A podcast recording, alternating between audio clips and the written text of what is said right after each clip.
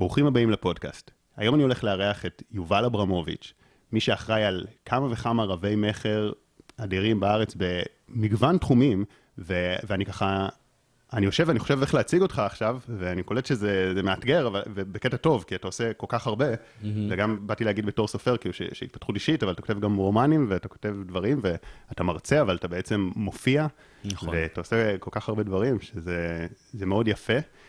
אה, ובכלל כזה, חשבתי על מה, על מה יהיה הפרק, כי קראתי ספר שלך, של, ה, של, של רב מכר, של איך לכתוב, אז דיברת על הניסיון שלך שם כעיתונאי, ואיך תמיד היה חשוב לך להביא משהו חדש. אז אמרתי, נכון. אני גם אשתמש ברעיון איתך, בטכניקות שלך, ואעשה שיעורי בית, ואנסה להביא משהו ככה מחדש כזה, מרענן.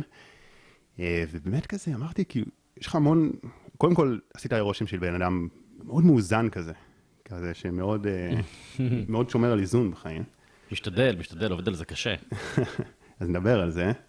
אה, וגם, אתה יודע, הרבה, רוב הרעיונות איתך זה על הרשימה, על הגשמת חלומות וזה.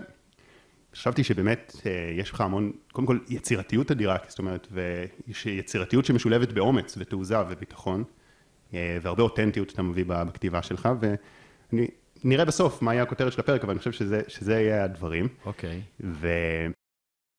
אתה יודע, גם, גם תמיד אה, שואלים, בוא, בוא תספר על עצמך, בוא, זה, זה, זה תמיד שאלה כזאת, בוא תספר על עצמך, זו שאלה כזאת קשה, אז אמרתי, אה, אני אשאל אותך משהו ספציפי.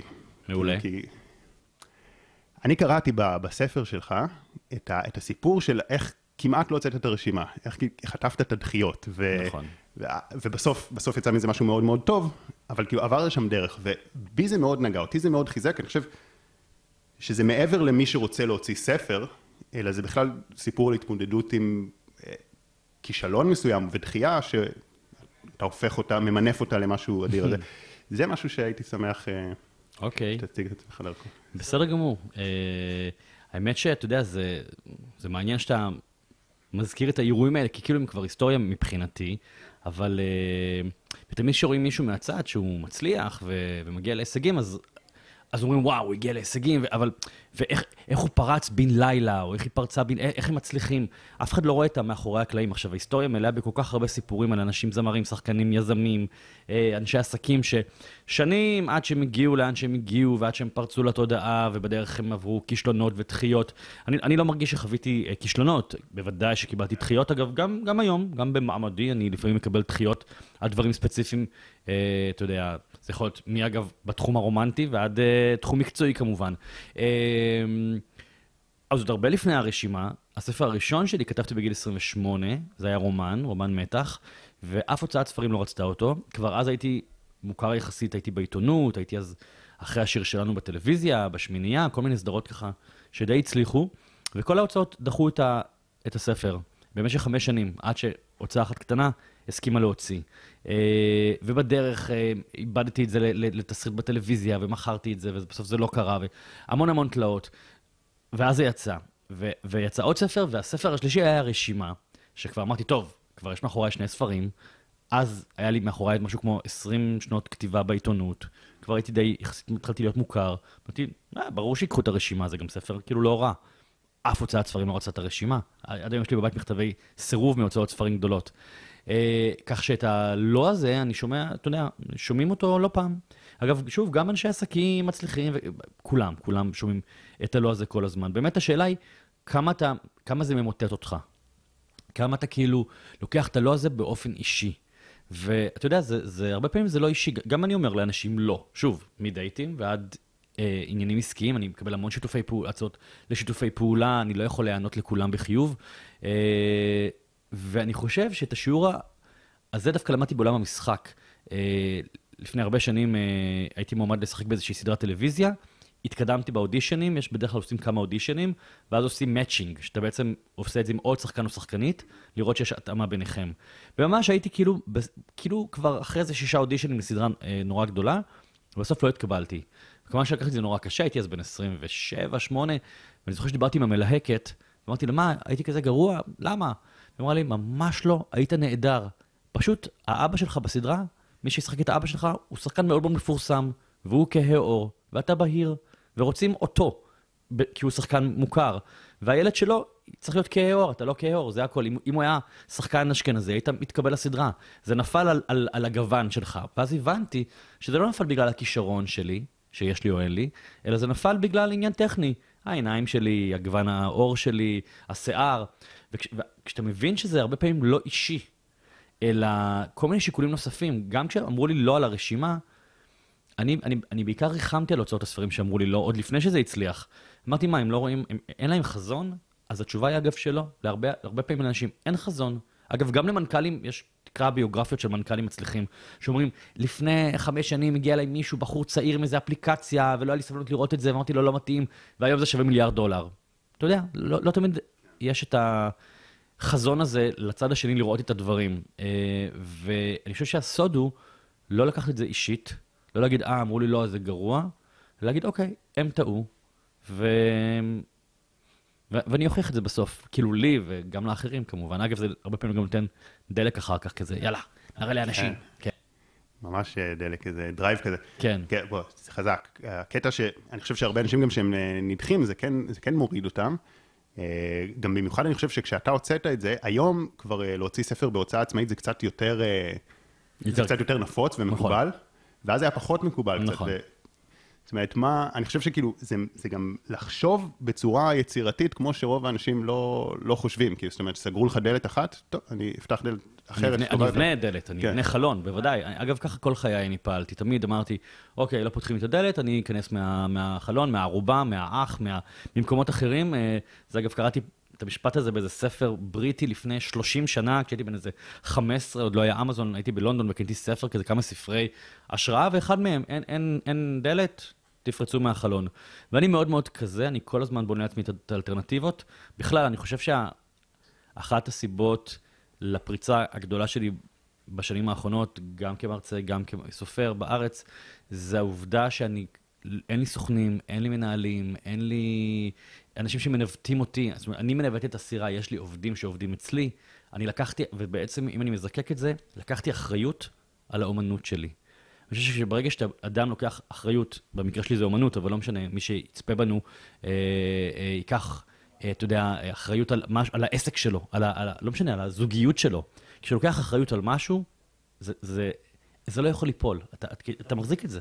כן, וואי, אני חושב שזה כל כך הנקודה, כי הרבה אנשים, אה, גם כאלה שהם אה, באמת שחקנים מצליחים, או זמרים, או, או אנשים שעושים עבודה יפה ומוכשרים, יש לנו מאוד את הצורך, ו- ולא רק מתוך האומנות, בכל תחום. את הצורך שיהיה איזה מישהו שיחזיק לנו את היד, נכון. שיעזור לנו, כי, כי זה מפחיד להתמודד לבד, אבל באמת אה, כשאתה... אז יש לי, זה לא שאין לי את האנשים האלה, כלומר, קודם כל יש לי, אתה יודע, משפחה תומכת ומפרגנת, ויש לי פסיכולוגית 17 שנה, שהיא מחזיקה לי את היד כשצריך. כלומר, אני מאוד מאמין ב- בלטפל, דיברת על איזון, שאני מרגיש לך אדם מאוזן, אז אני אדם מאוזן באמת, ואני עובד על זה מאוד קשה, להיות אדם מאוזן. אה, לישון טוב, לאכול טוב. קצת. לעשות כושר, קצת לעשות מדיטציה, שזה חדש יחסית, אה, אה, ולהיות מטופל פסיכולוגית, כאילו, מסאז' ללב ולנפש. אה, אי אפשר, בטח בעוצמות של מה ש... איך שאני עובד ופועל ועושה דברים, אה, להישאר שפוי אם אין מי שדואג לך. אה, אז אני חושב שזה דבר מאוד חשוב. אתה אומר 17 שנה. כן. וואלה, עם אותה פסיכולוגית? פותחת, כן. וואו, חתיכת מערכת יחסים. מה זה מערכת יחסים הכי ארוכה שהייתה לי אי פעם? כאילו, כן, להוציא את המשפחה שלי, אתה יודע. כן. לגמרי. אגב, באמת, כש, כשיותר התחלת את זה, כאילו היום, היום אתה משדר משהו כזה, אני מאוד בטוח בעצמי, אני, אני לוקח אחריות על, כן. ה, על הדברים שלי, ואני יודע שאני אגרום לזה לקרות.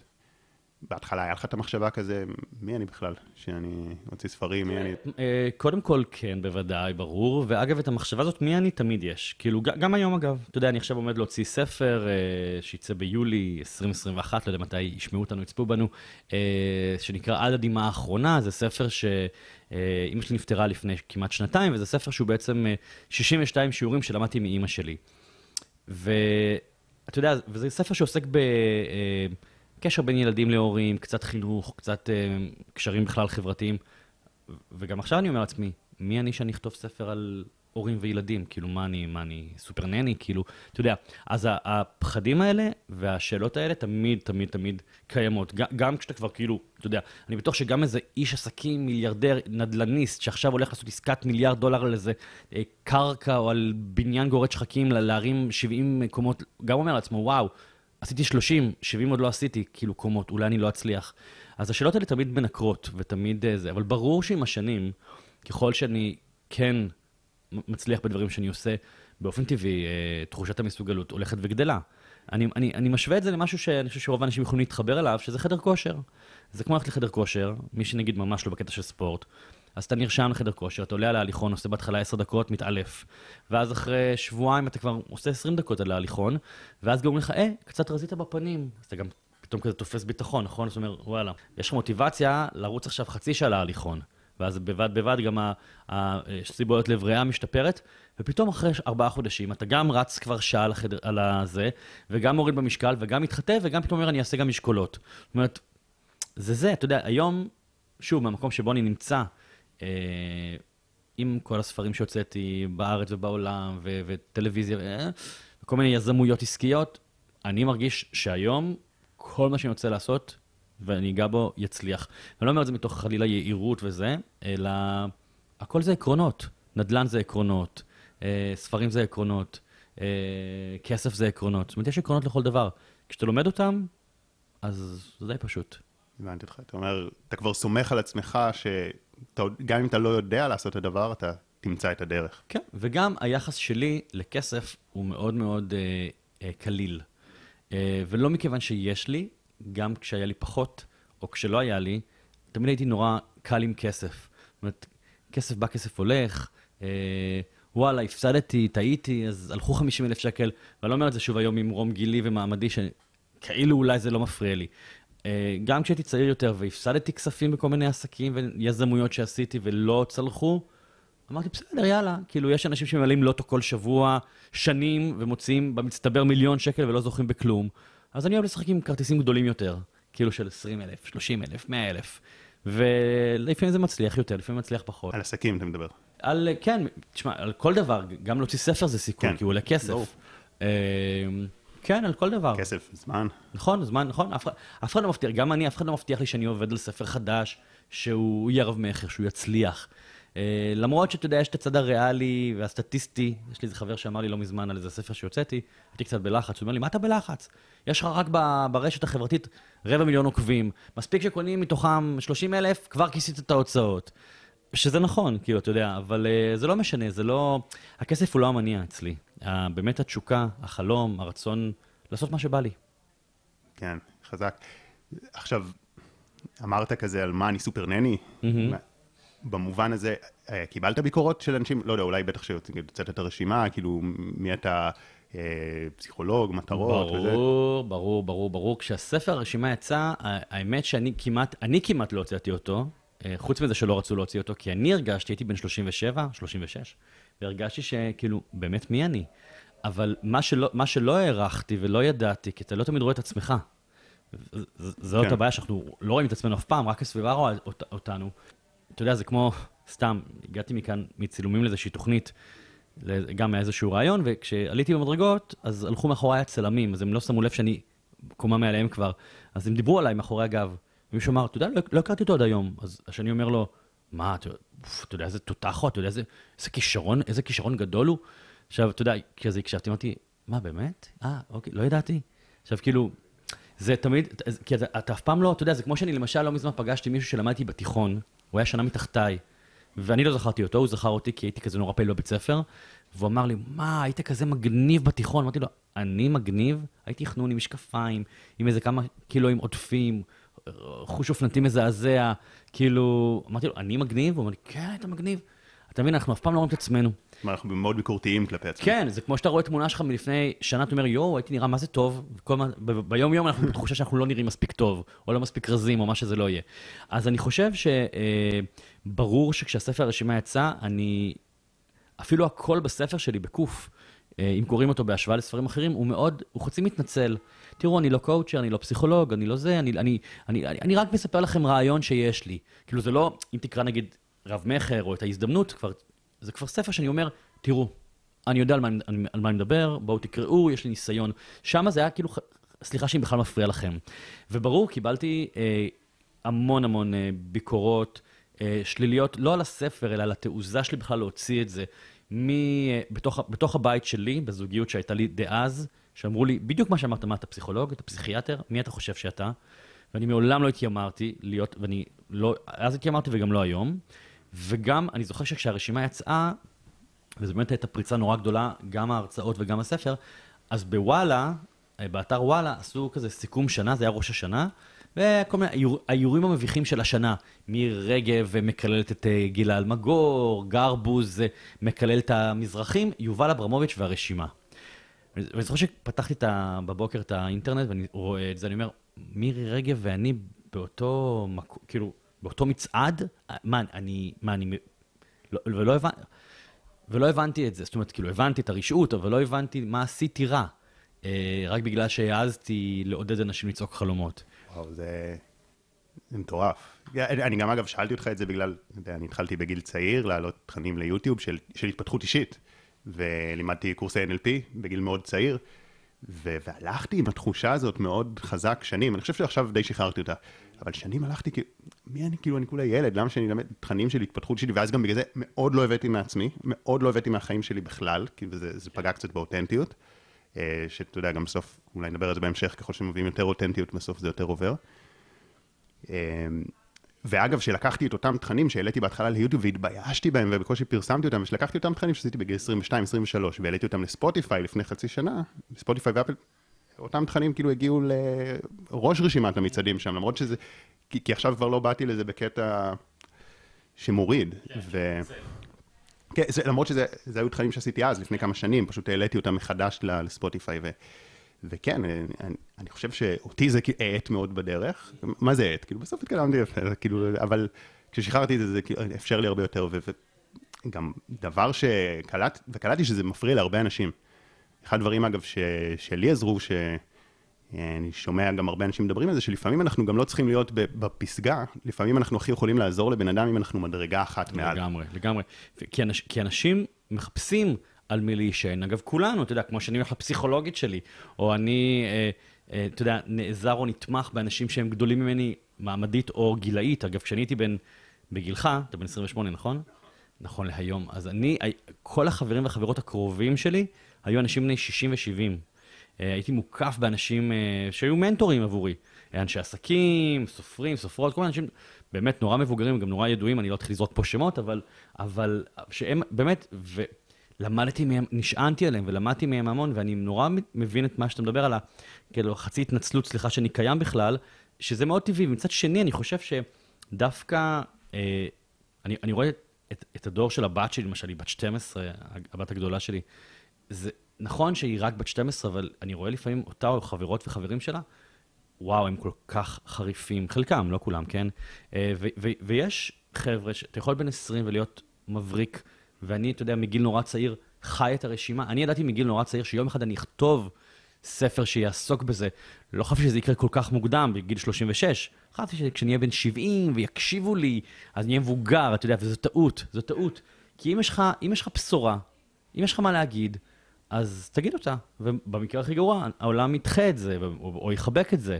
אבל uh, ת, ת, תסתכל היום, פתח אינסטגרם, פתח יוטיוב, אפרופו. מה זה, כל הכוכבים בני 12, 15, יש בני 8 אפילו, כאילו, בכל העולם. זה הרי תעשייה מטורפת. שאומרים, אתה יודע, זה אני, ומי שיש לו בעיה, בעיה שלו. כן, ואם מסתכלים גם על הבטם ליין, בסופו של דבר, בדיעבד של כמה שנים, כאילו, עזוב את המכירות, המכירות זה, זה רק... אה, זה רק המספר המדיד, בסוף כאילו כמות האנשים שהגשימו חלומות דרך הרשימה וההרצאות שלה, זה, זה כמות אדירה של אנשים, וכאילו זה היה כל כך קרוב אה, להיקטל. אה, זאת אומרת, קטלו את זה. אגב, למה אתה חושב שאנשים, יש להם את הרוע הביקורתי הזה? כי, גם, גם לי אמרו את אותו דבר, כאילו, מי אתה חושב בכלל שאתה תכתוב מאמרים על זה, כאילו, קודם תסיים אה, את כל ה... תהיה פסיכולוג קליני, אז תכתוב... אה, למה אתה חושב לאנשים יש את ה... אני חושב ש... נשמות הטובות, כאילו, כן, שמגנות עליך. כן, ואגב, אתה יודע, לפעמים כשאני קורא עליי דברים רעים, זה, אני לא קורא הרבה, אבל לפעמים כשאני נת, נתקל בדברים רעים עליי, אה, לא מדבר על ביקורת אה, על ספר שהוא כותבים שהוא היה יכול להיות יותר טוב, או איזו הערה שאני יכול ללמוד ממנה, אלא מין כזאת קטילה צינית. כשאני רואה את זה, זה צובט לי בלב, לא, לא, לא בשבילי. אני, אני באמת, אני, זה, לא, זה לא מטלטל אותי הדברים האלה. כי אני אומר, איזה באסה שיש בעולם איזה מישהו ממורמר שכואב לו והוא כל היום רע כזה. ולמה, למה, כי אני חושב, שלמה אנשים לפעמים כאלה רעים, אני חושב שפעם דנה ספקטור אמרה לי משהו נורא יפה, היא החמיאה לי על איזה משהו, והיא אמרה לי, אמרתי לה, באמת? וזה אמרתי, כן. אמרתי לה, היא החמיאה לי על הכתיבה שלי, ואמרתי לי, אמרתי לה, פעם ראשונה שמישהו בעולם העיתונות אה, מחמיא לי. אז היא אמרה לי, אתה יודע למה? למה לא מחמיאים לך? כי כולנו אה, כרוכים אחד לשני בשרשרת של אסירים, כזה עם כדורים ברזל. זוכר שפעם היה, לפני מאה שנה, אסירים היו אה, עם כזה שלשלאות ועם כדור ברזל שהם לא יכלו לברוח. היא אומרת, אז תחשוב שכל הברנז'ה עם שלשלת אחת מחוברת אחת לשנייה, פתאום בא אחד, והוא כזה הולך בכיף. קל לו בעולם, וה, והשרשראות עושות רעש, וזה מטריף את כולם. אני חושב שכשמישהו זז, זה, זה מטריף את מי שיושב.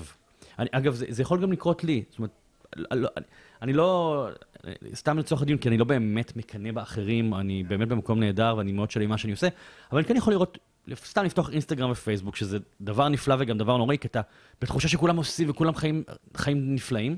ואני רואה פתאום איזה מישהי מוציאה ספר, זה קרה לי לפני שבוע, ראיתי איזה מישהי מוציאה ספר, ואמרתי, יואו, היא, היא הוציאה ספר, ואני לא הוצאתי ספר כבר חודשיים. כאילו, אתה מבין?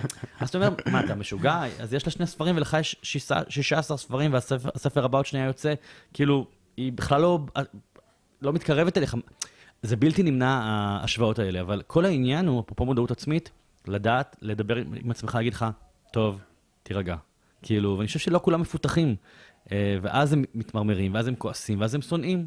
אגב, אני חושב שדווקא זה שאתה לא מבלשט את עצמך, ושאתה לא מתייפייף, אני לא קנאי, אני, זה לא מזיז לי, דווקא זה מאפשר לך את המודעות לזה, כן, יש לי רגש כזה, ואז לקחת את זה למקום של להניע את עצמך, במקום לגמרי, להוריד אותה לגמרי, ולהגיד... לגמרי, לגמרי. בספר החדש שיצא, אני, אני מספר שם שבאמת מאמא שלי, מאמא שלי למדתי לא לקנא. לא קיימת בי באמת קנאה בגדול. ברור שאם אני אראה מישהו שנגיד, אני אגיד, וואי, יש לשחר פודקאסט, איזה כיף לו, ולמה לי, למה אצלו בספוטיפיי זה מצליח ושלי לא? אז אני לא אגיד, איזה מניאק. אני אגיד, גם אני אעשה. אני אברר איתך איך עושים ואני אעשה גם כן פודקאסט. אני, אני חושב שדווקא זה שאתה לא מתייפייף ושאתה מוכן להביט ברגשות שלך ואפילו לשתף אותם פה, דווקא זה מאפשר את המודעות הזאת, כי כי הרבה פעמים האנשים שמתייפייפים, אני לא מקנא, אז הם הופכים את הקינה לביקורת. כן. כי ואז כאילו פתאום יובל אברמוביץ' מצליח וזה, מה הוא חושב את עצמו, הוא לא כן. פסיכולוג בכלל, זה שטחי, זה רדוד, כן. וזה כל... מורידים אותך כדי לא, כן. לא להרגיש את הדיסוננס הקוגניטיבי הזה של נכון. כאילו... אני יכול להגיד לך גם עוד משהו, אפרופו חוסר פרגון לפעמים. אה, אה, בסופו של דבר, מה שאני למדתי בחיים, ואני עובד מגיל 17 מול קהל, בין אם זה ספרים, הצגות, סרטים וחנויות, שיש קהל לכל דבר. כלומר, אני, אני, אני לא רוצה עכשיו שכל ישראל יקראו אותי. לא, ברור לי שלא כולם מתחברים אליי. מספיק אם יקראו אותי ויצרכו אותי חצי מיליון, מיליון, שני מיליון, כאילו, אני לא צריך שתשעה מיליון יגידו שהספרים שלי מדהימים, זה עניין של טעם. גם אני לא אוהב את כל הספרים של כל הסופרים הכי נחשבים בישראל. שוב, לא אנקוב בשמות, יש ספרים שאני אומר, מה, הוא נחשב ל... לא, זה לא הסגנון שלי. אבל יש לו מספיק קוראים. ברגע שאתה גם מבין את זה, שאתה לא צריך שכולם יצרכו אותך וכולם יאהבו אותך, זה נורא משחרר. אתה אומר, אני פונה למי שאני מתאים לו. כלומר, ואתה יודע, לכל אחד יש קהל, יכול להיות כן. קהל. אתה יודע, עכשיו, אה, בהקשר לכל מה שדיברנו, אחד הדברים שכאילו מאוד תפסו אותי אצלך, זה, זה שיש לך גם את האומץ, אה, מה שנקרא, לשווק את עצמך. כאילו, הרבה אנשים אה, מרגישים עם זה לא בנוח. ואתה אמרת איזה משפט גם בספר, מה ההבדל ביני לבין קוקה קולה, מה שנקרא. ולמה אגב אתה חושב שלאנשים כל כך קשה לשווק את עצמם בקטעים האלה? ו... כי כאילו, אתה יודע, זה שוב, מה יגידו? מה, הוא עף על עצמו? מי הוא? אתה יודע, תראה, צריך פה הרבה גם, אה, לפחות בהתחלה, סוג של העמדת פנים, להגיד, תראה, תמיד אני אומר בקורסי כתיבה, שלהוציא ספר זה סוג של חוצפה, זה להגיד שלום אנשים יקרים, הנה שלשול מילים אה, כרוך בכריכה יפה, 80 שקלים. כאילו, מי אתה? בטח כשאתה בספר הראשון-שני, לא? כשאתה כבר הוכחת את עצמך, ניחא.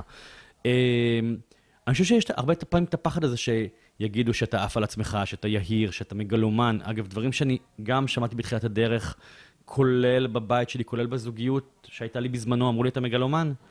ו... ואני ממש לא מגלומן, אני, אני דווקא, לא שזה לא צנוע להגיד אני צנוע, אבל אני חושב את עצמי כאדם די צנוע, אה, אבל כשאני עושה משהו, הספר, הרצאה, ואני משקיע בזה זמן וכסף ומחשבה, ושם את הלב שלי בדבר הזה, אני, אני רוצה שכולם ידעו וייהנו מזה. וזה לא מהמקום של תראו איזה תותח נעילה, היי, תראו מה הכנתי, תראו איזה עוגה טעימה, תאכלו את העוגה שלי, זה הכל. זה כמו שאימא אומרת לילדים, תטעם, תטעם, תטעם, תטעם את הפשטדה, נכון? תטעם, תטעם. זה ממקום כזה. הכל זה עניין של איך עושים את זה. ואתה יודע, בדיוק אמרתי אתמול, אה, כי סיימתי את הכתיבה של הספר הבא, אז אמרו לי, הבת שלי אמרה לי, מזל טוב, אמרתי לה, לא, לא, עכשיו מתחילה העבודה. זה להתחיל להתראיין, וזה, וזה לרוץ לחנויות ספרים, ולעשות uh, ערבי קריאה, ולשווק, וטלוויזיה, שאני יודע שזה נשמע מהצד כמו, אוי אוי אוי, מסכן, הוא עכשיו צריך להתראיין כל היום. אבל זה לא פשוט, וזה עבודה וזה זמן, וזה, וזה לשווק את הספר, וזה לכתוב ברשת החברתית. זה לכתוב ספר, או, או לעשות כל מיזם, לא משנה מה, להקים עסק, ולא לקדם אותו, ו, ו, ולהיות הש, אתה השגריר של, של העשייה שלך, זה כמו להביא תינוק לעולם ולהשאיר אותו בבית חולים. כאילו, להגיד שהאחיות יטפלו בו, אנחנו נחזור עוד שנה. לא, התינוק, ייקחו אותו. לא, אבל הנה בא בן אדם, אני רגע רוצה לתת איזה קול של מתנגד, אומר, אם המוצר טוב, המוצר ישווק את עצמו. אם ספר טוב, אנשים כבר יפיצו אותו, ידברו עליו. זה לא מדויק. אולי זה היה נכון לפני 100 שנה, כשהיו יוצאים באמת קצת ספרים יחסית, ו... והיה מין מעמד כזה לסופר וזה, שכולם מדברים... ואגב, ספר זה רק מטאפורה לא, לכל ברור, דבר בחיים. לא, ברור, כל דבר כן, אחר. אני חושב שזה היום, בעידן הרועש, שבו יוצאים בשנה בישראל נגיד 8,000 ספרים, אוקיי? זה מספר מטורף. אה, שוב, אם אנחנו ניקח את זה לעסקים, אז מקימים בישראל בשנה 50,000 עסקים חדשים, או כל דבר אחר. זה, זה, זה כאילו, זה, זה, זה נבלע בשנייה, כאילו בתוך הרעש שיש ברשת החברתית ובאינסטגרם ובפייסבוק וכולם מציעים דברים. לא, אתה צריך להגיד, היי, היי, היי, שלי, אחד הטובים שיש. אני לא אמרתי הכי טוב, אבל זה משהו טוב. וזה אגב ההבדל, זה, אתה מבין? זה הסמנטיקה. כי אני יכול להגיד, זה הספר הכי טוב, או זו הכוסות הכי, הכי טובה. לא, אני לא אמרתי שזה הכי טוב, זה טוב. זה הכל, זה מה שאני אומר, זה טוב, זה מעניין. עכשיו, ברור שאם זה טוב, אז באמת מתחילים להיות שגרירים. אתה יודע, הספר הרשימה יצא לפני שש שנים או שבע שנים כבר, אה, והוא נמכר כאילו הוא יצא אתמול, מבחינת ה... אתה יודע, וגם הספר שנת המתנות ועוד כמה ספרים. אני כבר פחות עובד בזה, זה כבר באמת, יש לי שגרירים, ואפשר להגיד אפילו כבר יש דור חדש של בני נוער וילדים ששמעו מההורים שלהם ומקבלים את זה במתנה, את הגרסאות לילדים. אמ, אז נכון שכשמשהו טוב אז כבר יש לו שגרירים, אבל אתה צריך להביא, להביא את השגרירים הראשונים, שהם ידעו על זה. איזה, לדוגמה, פעולת שיווק יצירתית עשית? וואו, מלא. אה, כשיצא לי הספר הראשון, אה, יעל וייס תל אביב, ולא היה לי, הייתי בן 27, לא היה לי כסף להשקיע בפרסום, אה, ועוד היה אז פייסבוק, אני חושב שהיה בתחילת הדרך. אה, פשוט הלכתי לבית דפוס והדפסתי ב-500 שקל מדבקות עם איומים, כי זה ספר מתח. יעל וייס, אנחנו נתפוס אותך, יעל וייס, אנחנו נהיה איפה את גרה, יעל וייס, לא יודע מה, נרצח אותך. והלכתי עם חברים, הדבקנו בכל תל אביב אלפי מדבקות, אה, שיצרו המון המון עניין בעיר, וכתבו על זה באיזה מקומון, בזמנו בעיתון העיר. אה, כאילו, ראו שזה אני מדביק, אז התקשרו אליי וסיפרתי שיוצא לי ספר ועשו על זה כתבה. למשל ככה הגיעו לזה. בספר אחר, ברשימה, אה, עשיתי לחפש את המטמון, באינט... ב... פשוט הטמנתי ספרים בתל אביב, בחיפה, בירושלים, מאות ספרים, והעליתי רמזים לפייסבוק, ואנשים פשוט רצו וחיפשו את הספר, ואתה יודע, התלהבו, אז היינו תמונות שלהם, וזה מניע את הדבר. מאיפה הרעיונות האלה? כי זה נשמע לי כזה, וואו, גאוני, אבל זה גם עבודה. ברור, קודם כל ברור שזה עבודה. אה, זה עבודה, ברור. אה, מאיפה הרעיונות עולים? לא יודע, הם, הם מגיעים, כאילו, אני... האמת ש... אני שופע רעיונות, וכל פעם אני אומר, מה אני אעשה שעוד לא עשו? נגיד, אני, אני למשל, אה, אפרופו קוקה קולה, אז בספר הראשון שלי, וחזרתי לזה בכמה ספרים, אה, פשוט ציפיתי אה, אה, מוניות קו 5 ו-4 בתל אביב, מיניבוס כאלה, אה, מוניות שירות עם, עם, עם הכריכה של הספר. אה, וגם, אני זוכר שאנשים הרימו גבה, אמרו לי, כאילו, ספר על מונית קו 5? אתה יודע, אתה רגיל לראות סופר בבא, לא יודע מה, כאילו, לא, לא ספר. כן, למה לא? אה, וזה לא בעלויות גבוהות יחסית, אה, וזו חשיפה מטורפת, כי זה, אתה יודע, כולם נוסע בעיר חודש שלם, זה מאות אלפי אנשים צופים בזה. אני כל פעם מנסה אה, להפתיע את הקהל, לרגש אותו, וגם אותי. אה, זה כמו שנגיד, את ההרצאות שלי, חלקן אני מעביר כבר מאות ו- ושנים, אה, ואני תמיד מוסיף פה פאנץ', ופה משנה איזה משהו, ופה שקופית חדשה, ופה סרטון, כדי שלא ישעמם לי. אני, אני חושב שאנחנו חיים היום בעידן, שבו אנשים ראו כבר המון דברים, כבר אנשים פחות מתרגשים היום. ואני כל פעם חושב איך אני ארגש את הקהל. תשמע, זה, זה... אני חושב אגב שבאמת, כמו שאתה אומר, היצירתיות, הרעיונות באים לי. אז כאילו מאיפה זה מגיע? זה מגיע יותר דווקא מזה שאתה נקי מכל האמונות המקבילות האלה, על כאילו, לשווק זה רע, ואני לא יכול לשווק את עצמי, וכאילו שיש, ברגע שיש את ה... שאנחנו נקיים מהבושה הזאת, ממש. ושמה יחשבו, אז זה, זה פשוט בא. ניתחת את זה מעולה, ממש ככה, זה, אני, אפילו אני לא חשבתי על זה, זה נכון, פלוס עוד משהו שהוא הוא שאני גם מקפיד שיהיה לי, זה זמן למחשבות. יש לי לא מעט זמן למחשבות, אני אה, טס במהלך השנה לחו"ל כמה פעמים, חוץ מנסיעות עבודה, אה, ממש לחו- לחופשות התבודדות ביוון, אני מאוד אוהב את יוון, אני בדיוק עכשיו מחפש שם בית גם, ו- ואני נוסע פעם בכמה חודשים, פעם בארבעה חודשים, לשבוע, עשרה ימים, לרוב לבד, מצטרפים אליי תמיד בסוף איזה כזה חבר, חברה, לכמה ימים, אבל אני ממש נוסע ואני פשוט יושב וחושב. אה, וגם כשאין יוון, אז אני עושה את זה, אתה יודע, פה בארץ, ממש חופ- חופשה עם עצמי. אה, עכשיו הייתי... יושב, זאת אומרת, וגם לא כותב בתקופה הזאת? לא, אני, אני כותב, אני כותב בתקופה הזאת, אבל אני גם, אני, אבל אני כותב, וכשאני לא, לא כותב במהלך היום, אז אני, אני חושב- כל הזמן, אני נוסע, אני ממש חופשה עם ואם עצמי. עכשיו אנשים באים ואומרים, אבל תשמע, אין לי זמן לדברים האלה, אני כל כך עמוס ביום-יום, מה אתה אומר להם? אה, אז אני אומר שגם ביונסה נורא עסוקה, והיא גם כן מוצאת את הזמן הזה, וגם אני אדם מאוד עסוק. יש לי, חוץ מכל הפעילות שלי, יש לי גם שתי בנות חמודות וכלב, ו, וחיים פרטיים. זה, זה חלק מהעניין, זה, זה, זה, זה חלק מה... להטעין את עצמנו. אתה יודע, אנחנו כל לפני השנה מטעינים את הטלפונים באובססיה, נכון? כל הזמן דואגים שיהיה בטריה, בטריה. מה עם הבטריה שלנו? זה אנשים כאילו מזניחים. אין אדם שלא יכול למצוא 24 שעות עם עצמו בצימר פעם בשנה. גם אם יש לך ילדים בני שנתיים, אז תשאיר אותם עם האמא או עם האבא או עם סבתא או עם דודה, או תביא מטפלת פעם בשנה. אז אני מקפיד על הדבר כי אני יודע שה... אני זוכר שפעם אה, אה, הייתי אמור לנסוע לחו"ל לכמה ימים, ומישהי מהצוות שלי כאילו חצי נזפה בי, שאני נוסע יותר מדי לחו"ל. אה, ו- ואמרתי לה, והיא אמרה לי, אחר כך תגיד לי שאנחנו לא עמדנו ביעדים, אתה לא נמצא בכלל, אז אי אפשר לסגור הרצאות. אמרתי לה, את כנראה מפספסת שהשבוע הזה, שאני נוסע ליוון, או לא משנה לאן, זה, זה שבוע שאני חוזר איתו עם מטען מחשבתי שמפרנס אותנו אחר כך, אותך ואותי ואת כל האנשים, לשנתיים. הדבר הזה הוא מאוד חשוב, אנחנו חיים בעידן שאין לנו רגע לעצמנו, אנחנו כל היום, או, או בכל זמן נתון, או בטלפון, או בנטפליקס, או בצפצופים אחרים, אה, או רצים, או בפקקים. אין לנו זמן. פעם, לא כל כך מזמן, לפני 30 שנה, היה זמן. סבתא שלי הייתה יושבת בספה בסלון, בוהה, חושבת. היום, כאילו, אם ילד בוהה, יגידו לו, מה, תעשה משהו. לא, זה חשוב. כן, גם כל כך, אפילו אם יש איזה רגע משעמם של תור וזה, אז אתה תוך שנייה מוציא את כן. הסמארטפון ויש לך נכון. מה לעשות, הוא מספק אותך, אין, אין את הדבר הזה של שעמום, אין את זה יותר. אה, זה עניין. אני- תראה, אני חושב על החיים אישיים שלי, אני מאוד, כאילו, הייתה תקופה אה, בצבא, אחרי צבא, שככה הגעתי גם לעשות את כל מה שאני עושה, שמאוד אה, התעמקתי בעולמות הרוח, ועשיתי ריטריטים גם, גם של כמה ימים של שתיקה לגמרי. ומדיטציות, והתקופות האלה כביכול היו בזבוז זמן, אבל מה ש... אני חושב שזה מה שאפשר לי בגיל יחסית צעיר, אה, כאילו, לפתח דברים ולהצליח לגעת באנשים דרך יוטיוב ודרך מאמרים.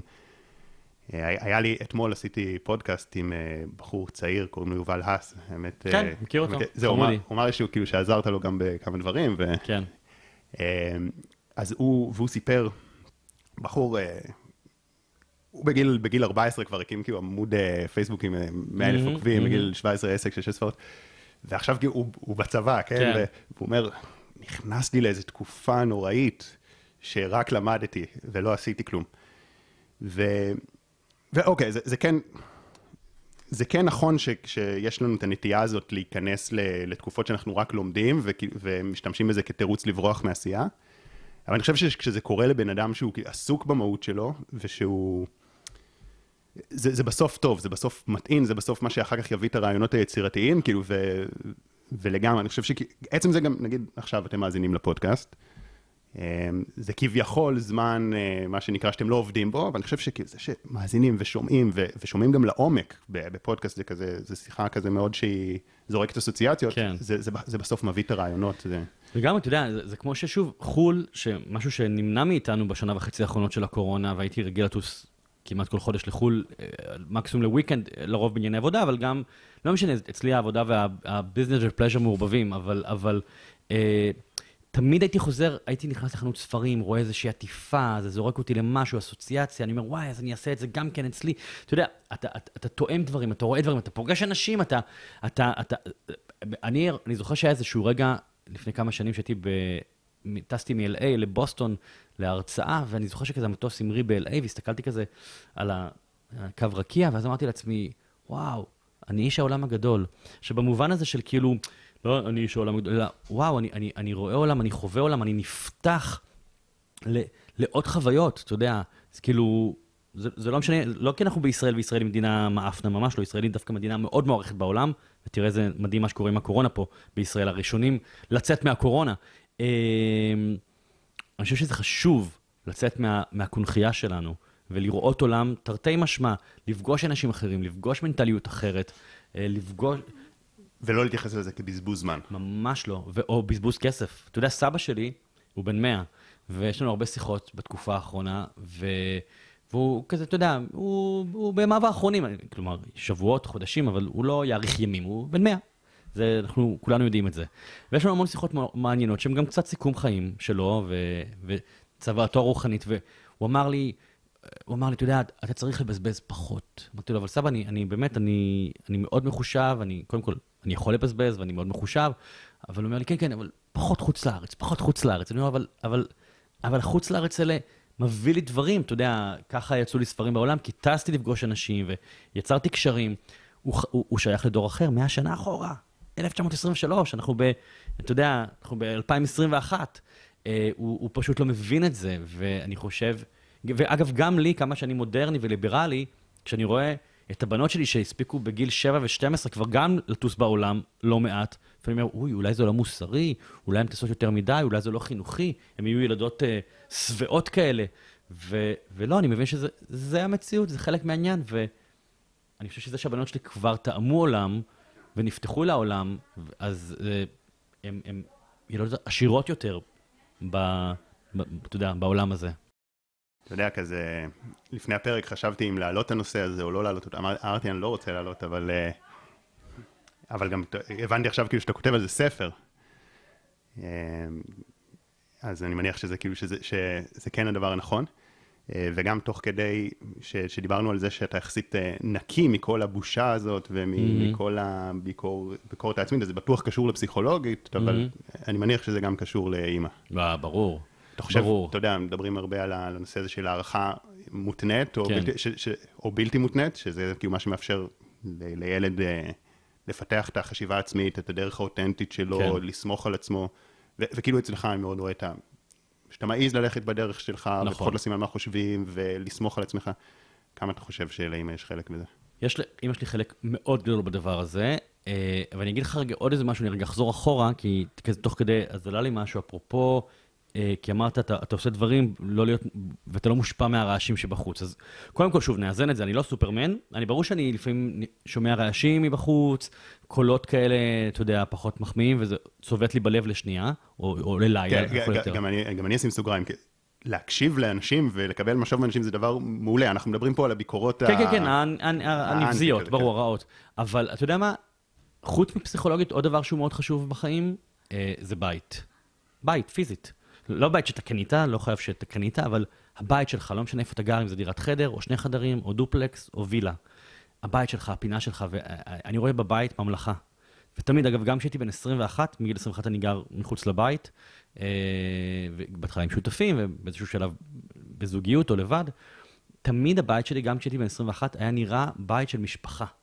ות, ותמיד הוא, זה בית מאוד שמח מבחינת העיצוב שלו, אה, אתה יודע, ספציפית היום יש לי גינה שאני מאוד משקיע בה, וחפצי אומנות, והכל כזה נורא שמח בבית, ו, אה, ואני חושב שזה מקום מפלט מה, מה, מהיום-יום, מהרעש, אה, ואני מאוד אוהב להיות בבית, אני, אני המון בבית, ואני חושב שבית זה דבר שלפעמים אני בא לבתים של אחרים, ואני אומר, פה הוא גר, ואני לא מדבר על השטח בכלל, לא מדבר על הגודל, אלא מה, למה הוא לא שם תמונה? למה, למה היא לא צובעת קצת? למה, כאילו, למה הם גרים בה עם הנזילה הזאת ו, ובלי תמונות? וכאילו, אתה יודע, מאוד חשוב בית, ואז בית מאוד מגן עליי. בבית שלי, אגב, אין שום סמין, שום תזכורת למה שאני עושה.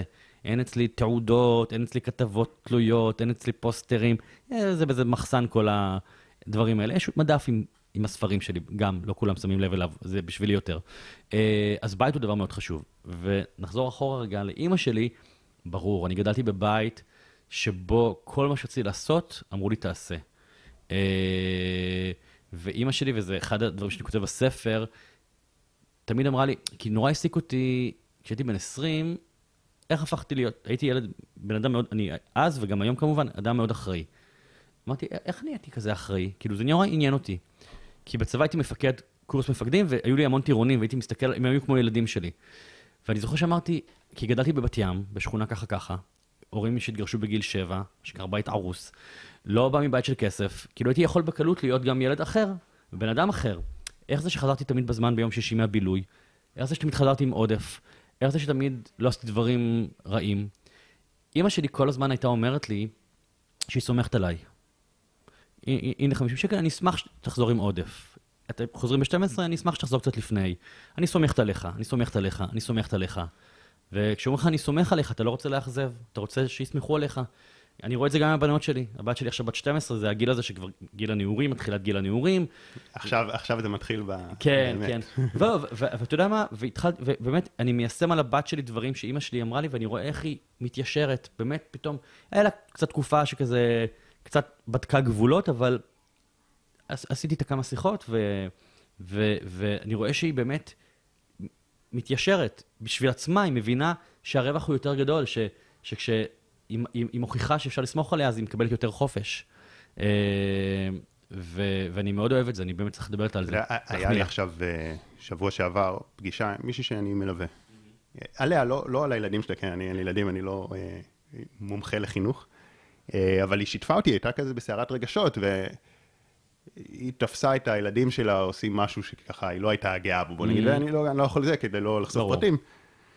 והיא אמרה לי, אבל מה, מה אני אעשה? כאילו מצד אחד אנחנו עובדים פה, ואני גם עובדת כזה עם, עם ההורים שלי, ואני יודעת כמה חשוב אה, לתת אה, הערכה בלתי מותנית וזה. מצד שני, אני צריכה לשים להם גבולות פה, וזה הייתה מאוד בקונפליקט, וגם מאוד כזה, מאוד גם אשמה כזה, כן. על, על מה ש... אני חושב שהרבה הורים חווים כאילו אשמה כשהילדים שלהם אה, עושים טעויות.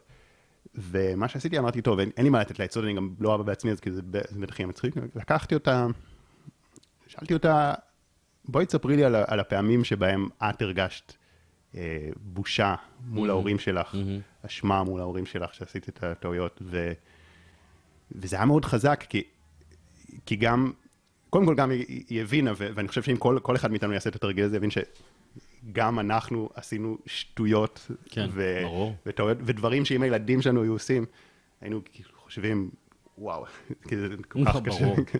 ו, וגם דבר שני, אז אתה חושב, רגע, ומה עזר פה? האם עזר הביקורת? האם זה שהם האשימו, הכעסים, העונשים? או שזה שם יותר צלקות על הנפש ושם חסמים? ומה, מה זה עשה לנו כשהענישו אותנו, כשהתביישו בנו? מה, מה זה עושה לילד שמתביישים בו? ולעומת זאת, מה, מה זה עושה לילד ש, שסומכים עליו, ו, ועדיין שמים לו גבולות? אבל נותנים לו את האמון הזה, ו... וזה מאוד חזק, ואני חושב שזה קונפליקט, אה, אני עוד לא אוהב, אבל אני יודע שזה, שאני כן. כבר הולך לחוות את הקונפליקט הזה, כי מצד אחד לסמוך ו- ו- ולתת את ההערכה והאהבה ללא תנאי, שזה כאילו משהו שהוא ידוע שהוא כל כך חשוב לה, להתפתחות של הביטחון העצמי, של הדרך האותנטית, של, אה, של, של האומץ, אבל... אה, צריך לזכור שגם, אגב, גם, כאן, אתה יודע, אתה יכול גם, להגיד... גם לשים את הגבול, כן. גם זה, אבל אתה יכול גם להגיד לכל האנשים שאתה מלווה שהם הורים, שגם להיות הורה זה לא בלילה. זה תהליך שלוקח שנים לפתח את הזהות שלך כהורה.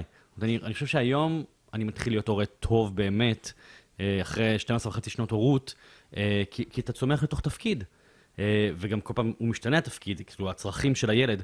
ואני אני, אני חושב שהבנות שלי גדלות היום בחופש מאוד גדול. שוב, עם, עם גבולות, אבל בחופש מאוד מאוד גדול. ו...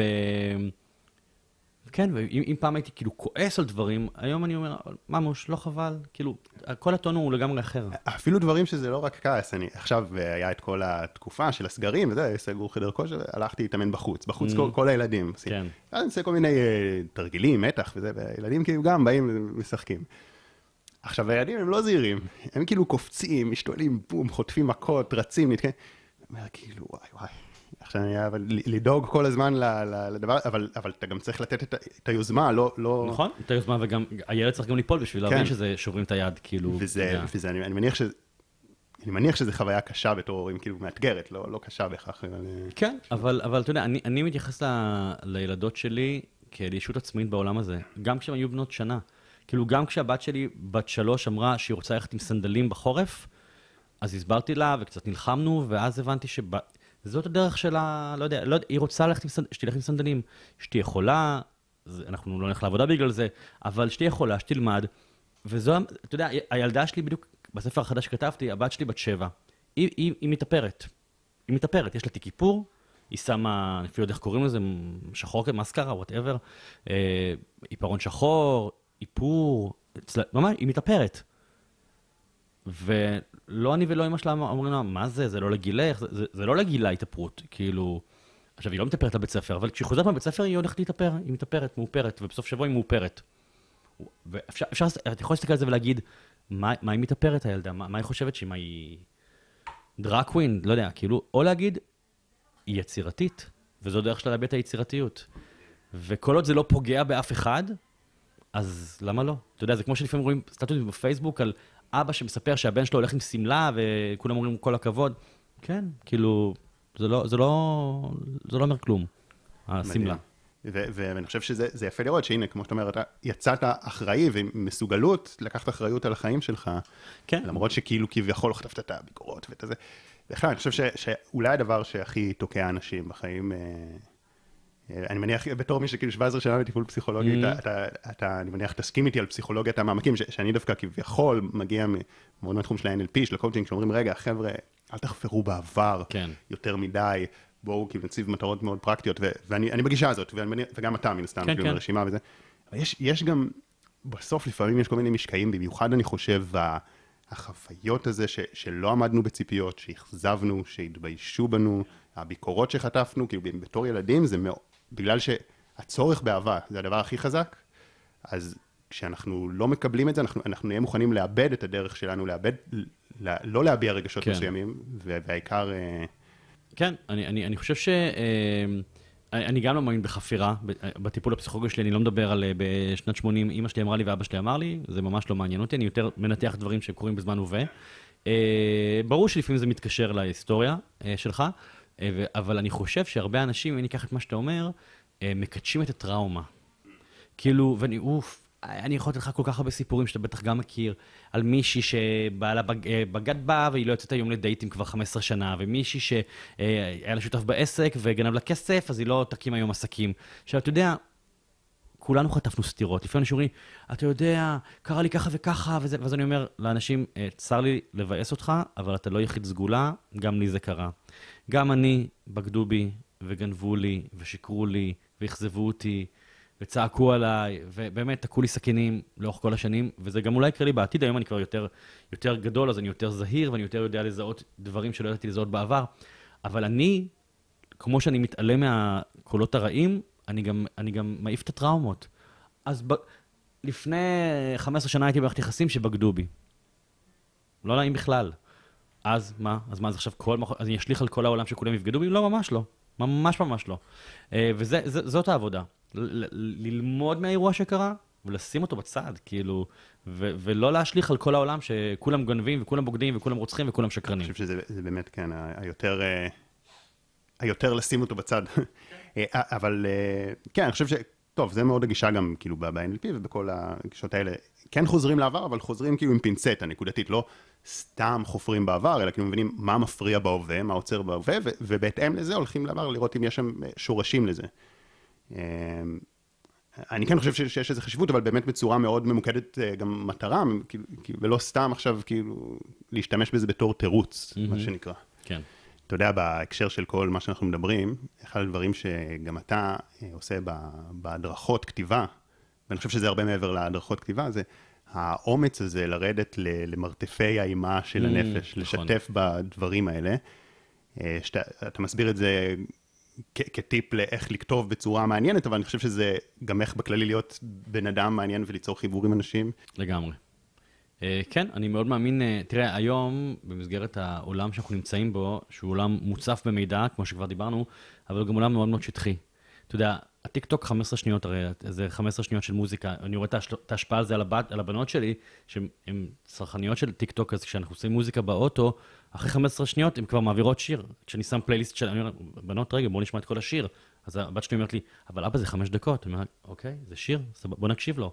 כלומר, אין להם את המסוגלות הזאת. הכל נהיה נורא נורא שטוח ורדוד ומהיר. יש איזה יתרונות, יש איזה חסרונות, אבל איפה זה מחלחל ב- עלינו כחברה? שבשיח, מה שלומך? סבבה, איך אתה? אחלה. זהו, נגמרה השיחה. ו... ואני אלרגי לדבר הזה, אה, לשיחות שהן על כלום. אה, ואני, ואחד הדברים ששואלים אותי מה שלומי, אוכלים אותה כי ממש פתאום מקבלים תשובה מאוד עמוקה ומעמיקה, לא תמיד עמוקה, אבל הכוונה פירוט, יכול להיות דבר, דבר טוב או דבר רע. ואני חושב שגם ביום-יום אנחנו צריכים אה, באמת לשאול ולהתכוון, וגם לענות באמת. אה, אתה יודע כמה פעמים אני, אני לפעמים מדבר עם אנשים, ואומרים לי, אני שואל שאלה מישהו, לא משנה באיזה הקשר זה, חבר, חברה, דייט, whatever, אז עונים, כזה תשובה קצרה, אני אומר, אבל מה התשובה? אתה באמת רוצה לדעת? כן, שאלתי. אנחנו כבר, אנחנו כבר לא מאמינים שבאמת רוצים לשמוע מה אנחנו רוצים לומר. אה, וכמובן גם בכתיבה. אתה לא יכול להסתפק בלכתוב את השכבה העליונה של איך אתה מרגיש. אה, בגיל חמש, מת לי הכלב, הייתי עצוב. לא, בגיל חמש, מת לי הכלב, בכיתי שבועיים. כשאני מסתכל על זה ממרחק הזמן, זה היה חוסר פרופורציה כמובן, אבל הייתי קטנצ'יק, לא, לא, והרגשתי זה, ולא רציתי לאכול, וכאילו, באמת. כאילו, אתה אומר, אם אנחנו לא מעזים לרדת לעומק ולחשוף, אז זה יוצא כזה קלישאתי נכון, כזה רדוד. נכון, ומאוד גם לא מחבר. תסתכל בפייסבוק למשל, אוקיי? שזה הכלי הכי טוב לבדוק את הדברים האלה. רוב האנשים כותבים, אה, אני, בים, בהופעה, איזה כיף לי, כולם עם פילטרים, אה, כולם עם ביקיני, כולם יפים ויפות, כולם בחדר כושר, מראים את הגוף שלהם. סבבה, כאילו, כן? ואז אתה רואה איזה סטטוס של מישהי או מישהו שכותב משהו טיפה יותר עמוק, על מה באמת שלמה. אה, שהוא מבואס כי הוא נפרד לפני שבועיים, והוא מביע את עצמו, אה, או הוא נורא מאושר, או מביע את עצמו. אה, אתה יודע, אפילו סתם אתמול, אפרופו הזכרנו את אימא שלי, אתמול חיפשתי תמונות במחשב, ונתקלתי בתמונה נורא יפה של אימא שלי, ופשוט שמתי את זה בפייסבוק וכתבתי יום של געגועים. זהו, ותייגתי אותה. כמובן שמי שעוקב אחריי יודע שהיא נפטרה. זה קיבל כבר איזה אלף לייקים מאתמול בלילה, כמובן גם בגלל שהיא אישה מאוד מאוד יפה, אבל כי שמתי פה, אגב, לא חפרתי, כתבתי יום של געגוע. זה אומר הכל. ו, ו, ו, ו, וגם הרבה אנשים יכולים להתחבר לדבר הזה, כי כולנו איבדנו מישהו ומשהו, אה, בטח ככל שאתה מתבגר. אה, אז אה, כן, לשים את הלב. אני חושב שאדם שרוצה לכתוב, אדם שרוצה לדבר, אדם שרוצה להשפיע, אה, צריך לשים את הלב שלו על מגש ולהגיש את זה לאנשים. אה, כל הניסיון להראות כמה אתה שווה ותותח וזה וזה וזה, אפרופו צניעות, זה בדיוק ההפך, כאילו, להפך. דווקא, לא יודע, אני, אני מאוד אוהב uh, להיות חשוף עם גבולות כמובן. נגיד הספר ש... על אימא שלי, שכאמור יצא, הוא ספר מאוד מאוד מאוד חשוף, גם חושף אותה, גם חושף אותי, וגם חושף את המערכת היחסים שלנו, שהייתה מעולה, אבל מורכבת כמו כל ילד והורה, אין מושלמות. Uh, ובאופן טבעי יש גם פערים בינינו. אה, היו לך מחשבות שהיא לא יכולה... היא לא יכולה לקרוא את זה, אז אה, יש דברים שאתה כותב עליה ש... אה, בוודאי, אפילו יש איזה פרק ספציפי שמתקשר אגב לטראומות, כאילו, שאני כאילו כותב על טראומה שלה, שהעורכת אמרה לי, תקשיב, זה, זה, אני חושב שזה אישי מדי, ואני חושב שאתה לא צריך לכתוב את זה. ואני אמרתי שאני לא מסכים איתה, כי אני יודע שאם יש לי הייתה בחיים, היא הייתה מאשרת לי לפרסם את זה. אולי היא לא מסכימה על הניתוח שלי של הסיטואציה, אבל uh, חוץ מזה, באמת היא מתה, אז אני לא יכול לשאול אותה, אז, uh, אבל, uh, אבל אני, אני מאוד משתדל להיות, לכבד אותה כמובן, ואני חושב שהספר כמכלול מאוד מאוד מכבד אותה ומאדיר אותה, אז אם יש איזה פרק או שניים שפחות יהיו נוח לה, אז שתעביר לי מסרים מלמעלה ונתמודד כן. עם זה. כן, אני חושב שבכללי אנשים מנסים להגן על התדמית, אבל דווקא, דווקא היכולת לחשוף מהחוויות שלך, כששיתפת דברים אישיים, הרגשת ש... זה פגע משהו בסמכות שלך או רק העצים לא, להפך, רק העצים. אני אפילו זוכר שפעם, מה שהתחלתי עם ההרצאות, אתה יודע, זה לא היה כמו היום שאני מעלה סטטוס וסולד אאוט אחרי שבוע. אה, היה, אתה יודע, לפעמים גם הייתי מופיע מול עולמות ריקים, ואני זוכר שפעם כתבתי, כאילו, כמה זה קשה למלא אולם.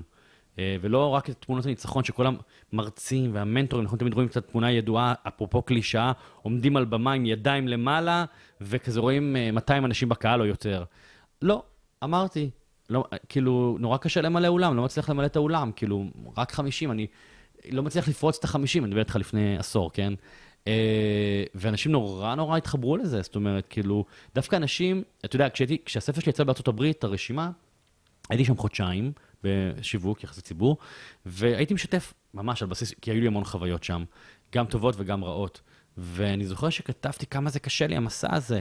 האנגלית שלי לא מספיק טובה, ואנשים שאני לא מצליח להבין את המנטליות האמריקאית, אומרים לי, Oh yeah, it's great, it's great, ואף אחד לא באמת מתעניין, וכל מיני כאלה, אתה יודע, או שאני בא מישראל, מאולם של אלף איש, לאולם עם עשרים אנשים, כאילו זה מכה לאגו. והייתי משתף בכל הדברים האלה, שהאם אני בכלל רוצה את העולם? כאילו, מה רע לי פה? למה אני צריך את העולם בכלל? וקיבלתי מלא תגובות פרטיות מאנשים שאמרו לי, יואו, איזה כיף שאתה משתף בדברים האלה, כי אם אתה, יובל אברמוביץ', מרגיש את זה, אז זה נותן לי לגיטימציה להרגיש את זה גם, אני היותר קטנצ'יק ממך במעמד, אה, שזה, שזה בסדר, כאילו, אם לך יש את המחשבות האלה, וזאת הזדמנות להגיד שוב, בהמשך לתחילת שיחתנו, המחשבות, הפחדים, וה, והקולות והצלילים, שאני לא מספיק טוב וזה, תמיד קיימים בך, גם כשאתה כבר סופר דופר גדול, מוכר, מפורסם. אני בטוח שכל זמרת שמוציאה, ריטה מוציאה סינגל חדש, היא משקשקת כאילו זה הסינגל הראשון שלה. כאילו, להפך, ככל שאתה דווקא יותר מצליח, יש לך יותר מה להפסיד. כאילו, כי יותר מסתכלים עליך, יותר בוחנים אותך. אה, אתה יודע, כשהוצאתי ספרים, את הספרים הראשונים, העיתונים לא מיהרו לכתוב על זה ביקורות. היום כל ספר חדש, עוד לפני ש... אתה יודע, הספר שנת המתנות, עוד יומיים לפני שהוא הגיע לחנויות, כבר כתבו עליו איכשהו השיגו עותק שלו בידיעות אחרונות, וכבר כתבו עליו ביקורת. הוא עוד לא היה בחנות, וכבר הייתה עליו ביקורת. אז אה, לי יש הרבה יותר מה להפסיד מבן אדם שעושה דברים מתחת לרדאר. אז אה, תגיד לי רגע, אם הבנתי אותך נכון, אתה רווק עכשיו? כן. בגדול, כן. אני בדייטים, אבל... אה, בדייטים, מבחינתך. כן, כן. כי פשוט זה עלה לי בגלל גם ש... אתה יודע, בדייטים יש מאוד את העניין הזה של כמה אני נחשף ופגיע, וכמה אני מרשים. כן. זה נורא קשה דייטים, לי פה בארץ. אה, כן. אה, בגלל שאתה יודע, גוגל, אם לא מכירים אותי, שזה לא קורה הרבה, כלומר, לא כולם יודעים מי אני, אני לא בר רפאלי, אבל הרבה אנשים יודעים מי אני, אני רואה את זה ברחוב, אתה יודע, כמעט כל בן אדם 20 מגיב, אומר לי משהו. אה, אז אני מגיע לדייטים, הרבה פעמים אני כבר מזהה, או שאני מזהה שעשו עליי גוגל ויודעים הכל, או שלא שואלים אותי שום דבר עליי, שזה גם מחשיד, כי בדייט רגיל, אנשים שואלים אחד את השני שאלות. כאילו... וכשאני נגיד בחו"ל, אה, והיו תקופות שחייתי בחו"ל חודשיים, פה, שם, כל מיני, בכל מיני מדינות, אז, אה, וגם שם אני באופן טבעי יוצא לדייטים, מכיר אנשים, אז דווקא הרבה יותר קל, כי נגיד אם יש חיבור, זה, זה כאילו, באמת נדלקו על יובל. יובל לא יובל אברמוביץ', יובל. כאילו, גם אם יודעים שאני סופר או מרצה או שחקן, הם לא, לא, לא מבינים לעומק עד הסוף כמו פה.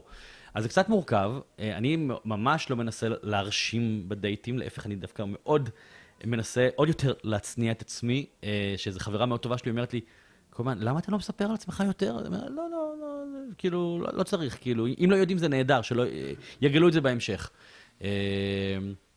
אה, אגב, אבל אתה חושב, אמרת כזה שמכירים באמת אותך, אם אתה חושב שלפעמים יש נשים שנמשכות לפרסונה, וזה גם שאלה, נגיד, סתם, אני גם עכשיו בדייטים, ואני מעלה מדיטציות ליוטיוב, ובכלל סרטונים, אבל אבל uh, מה שמעלה בי הרבה מחשבות זה, זה הנושא של מדיטציות, כי מדיטציות זה כזה על הגבול של בין לראות איזה סרטון, איזה הרצאה, לבין כאילו לעבור ממש תהליך, אתה יודע, ובתהליך יש אתיקה מקצועית, כאילו זה נוצר איזה קשר, ואז אני כמובן לא יכול לצאת עם מישהי שהייתה בהרצאה שלי או משהו כזה, אה, אבל אם מישהי עברה מדיטציה, וזה קרה לי כמה מקרים כאלה, אתה יודע, ואז זו שאלה, ואצלך זה אמנם כאילו לא בדיוק ככה, אבל אתה, אתה מוכר ויש את. את הסמכות שלך, והאם אתה חושב שיש נשים מסוימות שנמשכות כאילו מאוד לפרסונה ו... אה, אין לי ספק ש... זו שאלה, אתה יודע, למה אני מגמגם? כי אני בדרך כלל לא מגמגם. כן. כי צריך לשאול את הצד השני, לא אותי. כאילו, מה אנשים חווים או רואים או חושבים. אה, אני גם יודע, אגב, שבאותה מידה לפעמים גם מתאכזבים. אה, זה הבן אדם מאחורי ה... למרות שאני חושב, הזכרת בתחילת השיחה את המילה אותנטיות. הרבה שנים אמרו לי שאני אותנטי. עכשיו, לא, אתה יודע, זה מסוג המילים שאתה לא באמת מבין מה זה אומר. כמו כריזמה, אנחנו אומרים, וואי, כריזמטית. וכריזמה זה מילה, הרי יש לה, הפירוש שלה זה מתת אל. זה, אה, זה לא אחד פלוס חמש שווה, אתה לא יכול לעבוד על כריזמה.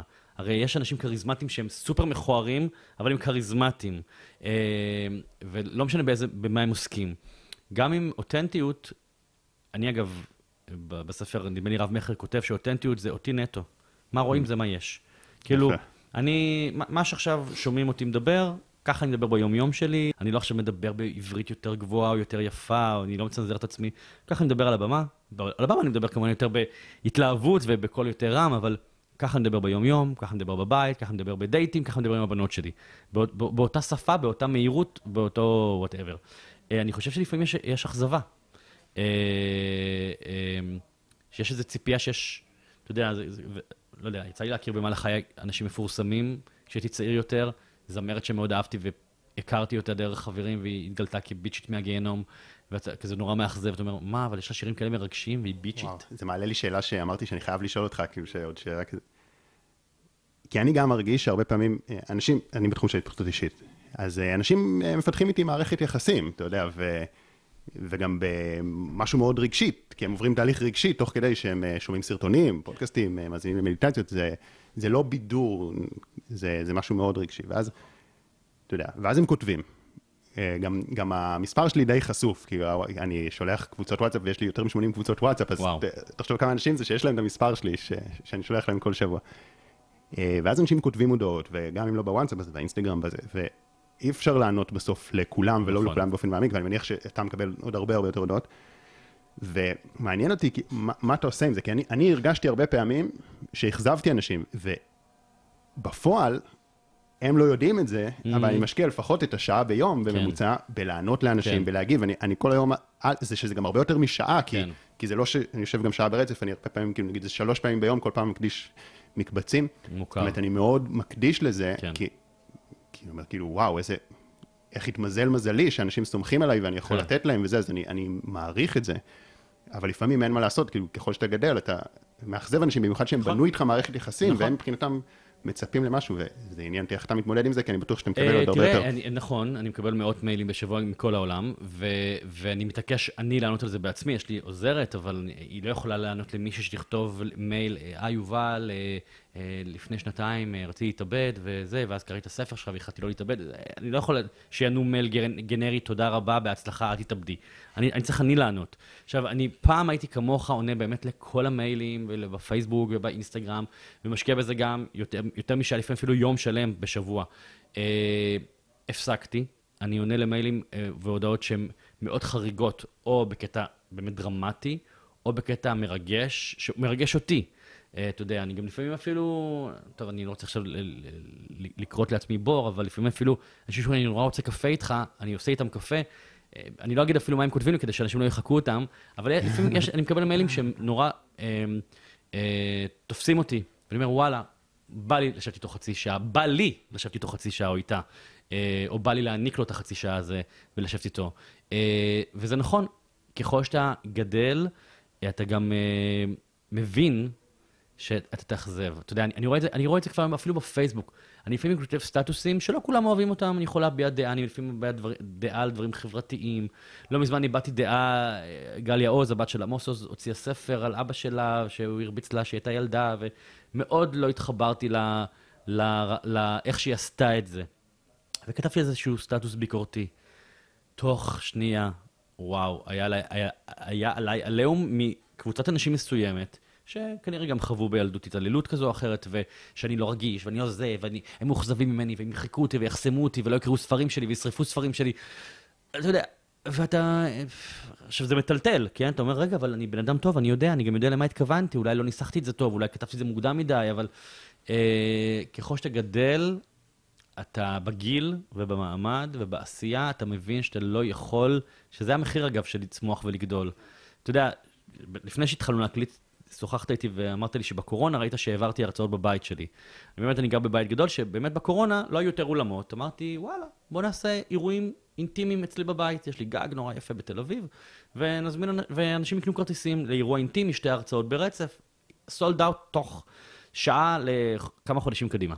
אה, ו, וזה היה מקסים. נכון שזה מתיש לעשות את כל השואו הזה ל-20 אנשים, כי אני רגיל לעמוד מול 200-300 אלף איש, אבל, אבל היה בזה משהו מאוד אינטימי. וזה הזכיר לי קצת את ההתחלה שלי, שככה היא הייתה, והלוואי והייתי יכול היום אה, לעשות כל יום אירוע ל-20 אנשים, אבל, שאגב, זה לפעמים יותר משתלם מלעשות ל-100 אנשים, כי אין לך שכירות אולם, אין לך פה, אין לך פרסום, אה, אתה יודע. יותר קל למלא 20 אנשים מאשר 200 אנשים. אבל, אה, אני, אבל זה מבחינתי בזבוז אנרגטי, לעמוד מול 20 אנשים. אז... אה, כשאתה מתבגר, אתה מתבגר וגדל וצומח, אתה מבין יש, אין, יש מחירים, אתה יודע, זה כמו, אה, יש לי איזה חבר שיש לו עסק נורא גדול עם 300 עובדים, ופעם היה לו 30 עובדים, והוא היה מאוד זמין לכל הלקוחות שלו, הוא עוסק בפרסום. והוא היה, אתה יודע, זמין לכל... והיום לא, הוא אומר, התקשר למזכירה, המזכירה לזה, אין מה לעשות, זה חלק מהצמיחה, ויש אנשים, אגב, שמעדיפים לא לצמוח, אומרים, אני רוצה להישאר אה, בתקשורת עם הלקוחות שלי, זה סבבה, יש לי חברה שהיא מטפלת מדהימה, מאוד מוערכת בתחום מסוים, אה, ו- והיא יכולה לצמוח ולגדול ויש לה הצעות, והיא אומרת, לא, אני רוצה קבוצות של עשרה אנשים, למרות שיש לה הצעות לקבוצות של 200 אנשים. היא מעדיפה ככה, זה בחירה. כן, אה, יש דברים שאפשר להעביר באמת רק בקבוצה כזאת, אבל אה, יש גם דברים שאפשר רק בקבוצה גדולה. יש לי עוד כמה שאלות, שנעשה אותן שאלות כאלה קוויקי יותר. אוקיי. Okay.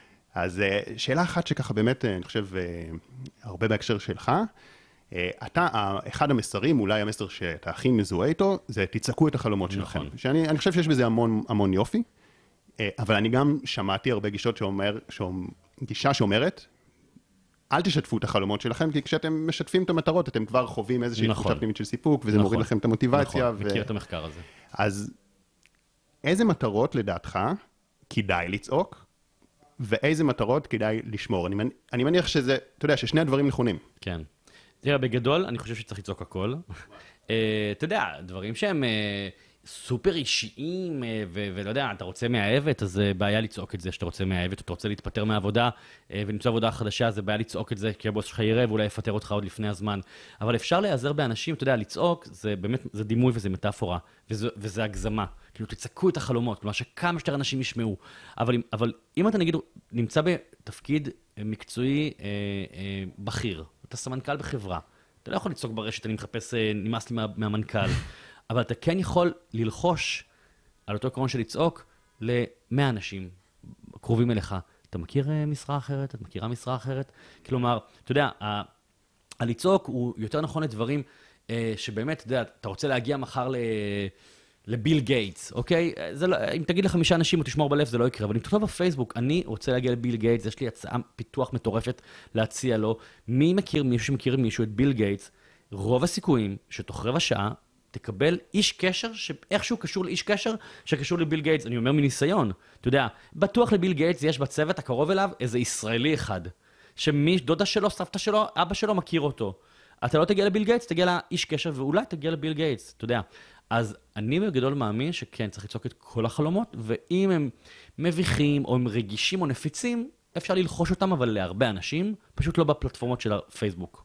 מעניין, אהבתי את התשובה. כאילו, מה שאני חשבתי זה שבאמת מטרות, שלא כל מטרה אנשים אחרים יכולים לעזור לך, מטרות שהם הם יכולים, אז כמובן אה, לצעוק. נגיד, אני זוכר שעשיתי פודקאסט, שזה הפודקאסט הראשון שהתראיינתי בו, אה, עוד אה, עוד לפני שבכלל הקמתי, אז זה היה על מטרות. ואז אני אמרתי בסוף, יאללה, אני אני איישם את אה, את מה שיובל אומר, ואני אגיד כאילו כמה כמה מהמטרות, ש- אבל לא אמרתי את המטרות המדידות של כמה כסף אני רוצה להכניס וזה, כי זה, פה לא יוכלו אה, לעזור לי, אבל, אבל אמרתי מטרות ש... מטרה אחת שאמרתי, אני רוצה כאילו להיכנס, ל- ל- לכתוב אה, שיר וכאילו, ולהעלות אותו, לא, לא, אמר- לא אכפת לי כאילו כמה הוא יצליח, וזה, עוד חמש שנים אני אעשה שיר שיצליח. צריך לפתח קול קודם, צריך כן. אה, לעבוד על זה. ואמרתי, אני, אני רוצה לעבור יותר מול מצלמה, כי, כי הייתי מאוד ב... כתבתי מאמר, הקראתי אותו, אז זה מטרות שחייבו אותי עכשיו אה, לעמוד בהבטחה שלי. אז, אז זה היה לי טוב להתחייב מול אנשים, כי זה, זה נתן לי, כאילו, תוך אה, תוך יום כבר עמדתי מול מצלמה, כאילו, כי זה לא בעיה, זה פשוט רק להתגבר על הפחד ולעשות את זה. לגמרי. ו... ובאמת, כאילו, גם מישהו שמע את זה, ואיזה שיר שפרסמתי בפייסבוק, הקליט, עלה, כאילו, יצא מגניב, ושוב, גם לא הייתה לי מטרה שהוא תמיד יצליח, אבל זה כאילו, זה פתח לי, ואז כאילו, בעקבות זה שזה עלה, אז, אז עכשיו, אתה יודע, זה דבר, דבר מניע דבר, אז כן. הלכתי ללמוד פיתוח קול, וזה, עוד כמה שנים נעשה עוד. אבל נגיד אה, מטרות כאילו, על כלכליות, על כסף וזה, אני חושב שאם... שיש בזה משהו גם מלחיץ כזה להגיד את זה, משהו שאתה חושב ש... נכון, אבל אני, אני, אני אחלוק עליך, ואני אומר, זה נכון, אבל אני יכול להגיד שהרבה דברים בידע הכלכלי שיש לי, ויש יש לי ידע כלכלי רחב מאוד, אה, נובע מזה שדווקא לצעוק, לצעוק חלום זה בעצם לבקש עזרה. להגיד, וואלה, אני, אני רוצה להבין איך עושים כסף. נגיד, אני שנים לא גדלתי בבית של כסף, אה, אתה יודע, רוב האנשים לא גדלים בבית ש... אולי יש להם כסף, אבל לא מחנכים אותם לעשות כסף, זה, להפך, זה מגונה. אני גדלתי בבית צנוע בבת ים, לא לימדו אותי לעשות כסף, לא היה כסף בבית, וזה גם לא עניין אותי עד גיל 35 בערך. אבל אז היה לי חבר מאוד מאוד עשיר, והייתי כל הזמן שואל אותו שאלות. אז מה עושים? א- א- איך עושים מיליון ראשון? ומה עושים עם המיליון הראשון? ואיפה משקיעים? ומה עושים? ואם יש לי 100 אלף שקל? ומספיק שמישהו נותן לך טיפ, טיפ שמרחיב לך את התודעה, אתה כבר אדם יותר עשיר בתודעה שלך. ואני חושב שלצעוק חלומות זה, זה להגיד, תנו, תנו לי מידעים, תנו לי מידע, תנו לי מידע, תנו לי מידע. זה לא תגשימו לי את החלום, זה תנו לי מידע. אה, איך, לק- איך זה.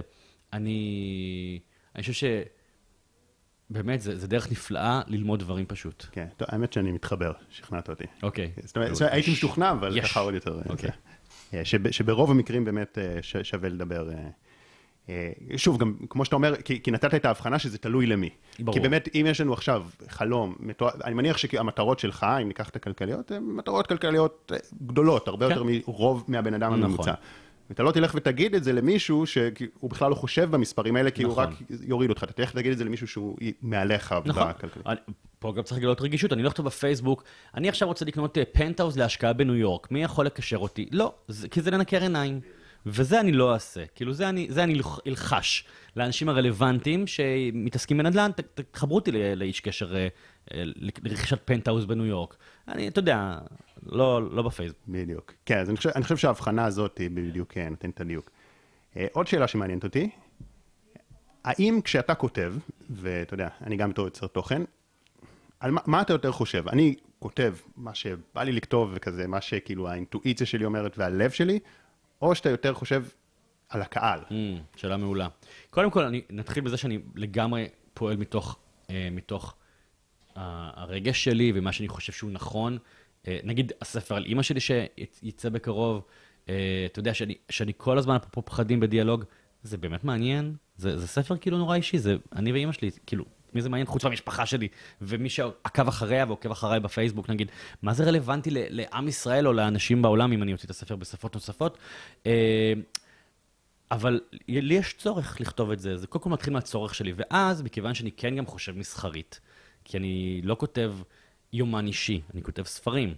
אני רוצה שזה, שזה יפגוש את הקהל והקהל ירצה את הספר הזה, אז אני יושב ואני בודק עם עצמי האם הקהל ירצה את זה, אני, אני עושה קבוצת מיקוד, אני שואל אלפיים אנשים, אה, היית רוצה לקרוא ספר על אה, יחסים בין אימא לבן, כאילו, על שיעורים שזה, אה, מספר אפילו את התוכן, יהיה למשל סיפור כזה, ואני שומע מה, מה התגובות, כאילו, ולפי זה אני מבסס. כבר היו לי רעיונות שבעיניי היו מהממים, ושמעתי מאנשים סביבי חוסר, חוסר עניין. אמרתי, אוקיי, אם, אם 100 אנשים לא התלהבו מהרעיון, אז הוא כנראה לא מעניין. אז אני שם אותו בצד. לפעמים, אגב, אני יכול לשמוע גם מאנשים שיגידו, זה לא מעניין, ואני עדיין אחשוב שזה מעניין ואני אעשה את זה. כמו הרשימה, שכל כל ההוצאות אמרו לי, זה לא יעבוד. תאר לך שהייתי מאמין ל... להוצאות ספרים שאמרו לי שזה לא יעבוד, ושאין לזה שוק בארץ, ושכבר כתבו ספרים כאלה. לא היינו נפגשים פה עכשיו. מדהים. אז אתה, אתה בעצם אומר, תגיד לי אם הבנתי אותך נכון, אני בסוף עושה מה, ש, מה שאני מרגיש כן. מהלב, אה, אבל כשאני עושה את זה, אז אני כן עושה את המקסימום לחשוב על מי הקורא שלי. בטח, והאם האם יהיה לו כיף לקרוא את זה? האם הוא יבין אותי? האם הבדיחה שכתבתי תצחיק אותו, או רבע תצחיק אותו?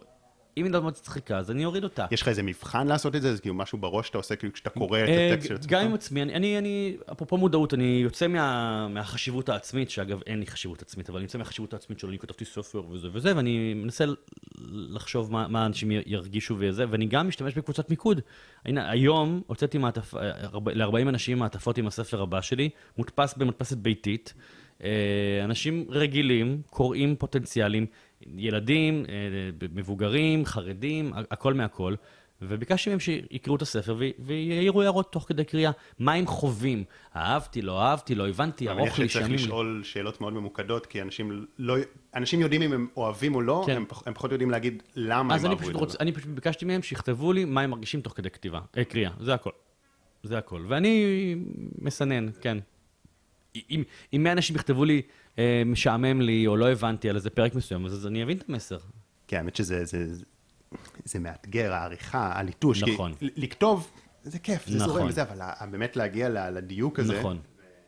זאת העבודה הקשה. תמיד ש- תמיד כשאני מסיים ספר, אני אומר, או, זהו, הסתיים הספר, אז העורכת שלי אומרת לי, או, ועכשיו מתחילה העבודה הקשה של התיקונים, שזה באמת איזה שלושה חודשים, חצי שנה של שיופים ושיופים, שאתה כבר לא יכול לראות את הטקסט יותר מול העיניים, ואז מתחילה עבודה יותר קשה, שזה אה, רגע, השיווק. אתה, אתה קודם כותב את הספר עד הסוף, ואז אתה שולח לעורכת? אה, לא, לא, לא, לא, אני כותב את זה בפינג פונג עם העורכת, אה, חמישה פרקים, היא עורכת, אני מחזירה לי. וקודם אתה עושה מבנה, אני מניח. אני עושה מבנה, מתווה, אני בונה מתווה, אני כותב חמישה-שישה פרקים, שולח לה, היא מתקנת, מחזירה לי, אני מתקן, מוסיף עוד חמישה פרקים, ככה פינג פונג, פינג פונג, פינג פונג, ואז כאילו, הספר גמור, אבל, הוא גמור, אבל אז מתחילים את העריכה עליו, המסיבית. להעיף, להעיף, להעיף. מה שאתה עשית, הרבה אנשים עושים קודם הרצאות, כן.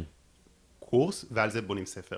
אתה קודם כתבת ספרים ועל בסיס זה עשית הרצאות, או ש- או שאני לא אה, צודק בדיוק. בחלק מהמקרים. אה, הרשימה התחיל כהרצאה, אה, אוקיי, זה כן. ואז הפך, זה כי התחיל כאילו יש כבלוג. יתרון בזה שאתה מול הרצאה, אז אתה רואה את הפידבק נכון, של הקהל נכון. החי. רב מכר, למשל, כבר, הוא נולד כבר מקורס כתיבה שרץ. Uh, הספר על אימא שלי, יש בו אלמנטים מסוימים שהיו בתוך הרצאות שלי, uh, והספר הספר הזה גם יועבד להרצאה שאני עכשיו עובד עליה. זה נורא נורא היית משתנה. ממליץ אה, קודם לעשות הרצאות? לא, זה לא חייב, לא חובה. זה אין ספק שאתה כבר יודע איפה המקומות שהקהל בהתנגדות או משתעמם, כי אתה חווה אותם, אז אתה יכול לתרגם את זה לספר. לא, זה נורא נורא נורא אינדיבידואלי. טוב, אז אה, אמרת שביולי יוצא ספר חדש, יש עוד דברים שאתה עובד עליהם, שהיית רוצה לשתף את האנשים? אז ביולי יוצא ספר חדש, יהיה מלווה בהרצאה אה, משלימה. אה, אני עובד עכשיו על איזושהי סדנה לילדים, שלא אני אעשה אותה, אלא אנשים שהכשרתי, לילדים קטנים, כזה גילאי גן, א', ב'. אני עובד על אה, ריאליטי הרשימה בהוליווד, עם אנשים בהוליווד, כבר כמה חודשים עובדים על זה. אה, העליתי הרשימה. כן, כן, כן, מטורף. וכן, לא יודע, מלא דברים, קורסים דיגיטליים, כל מיני, אתה יודע, אני, כל, פעם, כל פעם אני אומר לעצמי, השנה, אני באמת, אני אנוח, אני אעשה פחות, ואז אני עושה איזה 200 דברים. אה, זה, זה נורא, גם, גם זה נורא משתנה, אני, אני נורא קשוב לעצמי, כמו שבטח כבר הבנת, אז אני יכול להתחיל לעבוד על משהו, להגיד, "מ, לא, לא בא לי עכשיו, או לא בא לי בכלל, ולזרוק את זה לפח. אגב, אני חושב שזה גם איזה מרכיב של יצירתיות, ש... שאתה לא מכריח את עצמך לעבוד רק על משהו אחד, אלא לעבוד על כמה דברים נכון, במקביל. זה... נכון, נכון, אני באמת עובד במקביל כרגע נגיד על ארבעה ספרים, שכל אחד נמצא באיזה שלב אה, של הבשלה אחר, אה, ו, ו, ואני כזה קצת כותב פה, קצת כותב פה, קצת כותב שם, ואז פתאום משהו מהם ממש תופס אותי, ואני כאילו שם את השער בצד, בהולד. נגיד התחלתי לעבוד על איזשהו רומן, כתבתי איזה עשרה פרקים שאני מאוד אוהב, ואז פתאום רציתי, היה לי את הרצון לכתוב את הספר על אימא שלי, אז כאילו שמתי אותו בצד, ואני עכשיו חוזר אליו. כן. זה נורא משתנה. אני חושב שזה מאוד יפה, כי זה, זה דורש המון סבלנות, כי זה אומר שיש נכון. ספרים מסוימים שתכתוב אותם במשך כמה שנים, נכון, אה, אבל זה באמת, אה, זה לזרום עם המוד הפנימי שלך. כן. זה מאוד יפה. טוב, אז אה, מה שנקרא, פתחנו עם זה ש... שקשה להגדיר מה אתה עושה, כי אתה עושה כאילו באמת הרבה, ומדברים שונים, ואני חושב ש, שזה היופי. שזה היופי שגם אה, גם לילדים, וגם הנה עכשיו להורים קצת, אה, ו- וגם רומנים, וגם ספרים של התפתחות אישית, והרצאות, והופעות, וריאליטי, ו... וזה מאוד מאוד יפה בעיניי. אני חושב שזה, שזה גם חלק מ... מלהיות אותנטי, זה להיות מוכן לא להגדיר את עצמך יותר מדי, וכאילו, ולאפשר לעצמך, כאילו, למה שאני אגביל את עצמי למשהו מסוים? כאילו? והיה לי, היה לי עם זה שנים של מאבקים, גם פנימיים וגם של כל מיני אנשים חיצוניים, שאתה יודע, מביני עניין, סוכנים, וזה אמרו לי, אתה חייב הגדרות, חייב הגדרות. ואז אמרתי גם, אפרופו קוקה קולה, מה, אני בקבוק קוקה קולה, על מה אני צריך הגדרות? כאילו לא. וגם אני אומר תמיד, מי שממש ירצה, נגיד, אני בטוח שמי שיאזין לפודקאסט, חלק, אני מעריך, מכירים, אבל אני בטוח, כי אני יודע מפודקאסטים אחרים, שאני אקבל מיילים, בחיים לא שמעתי עליך, במקרה שמעתי אותך, ואז מה קורה? אנשים עושים גוגל, אנשים מחפשים ביוטיוב, ואנשים מגלים אותך. אה, אז אני תמיד אומר לאנשים, אתה רוצה לדעת מי אני? חפשו בפייסבוק, חפשו באינסטגרם, חפשו באתר, חפשו בגוגל, תמצאו שם את התשובות ותתחברו למה שאתם אוהבים במה שאני מציע. לגמרי. אז אה, אני גם אשים קישור פה למטה, אני מניח שביוטיוב ליוטיוב ובכל מקום למקום הרלוונטי, ובאמת אה, יכולים פשוט לעשות חיפוש של יובל אברמוביץ' ותמצאו כאילו, מגוון אדיר של תוכן למה שתתחברו. יובל, וואו.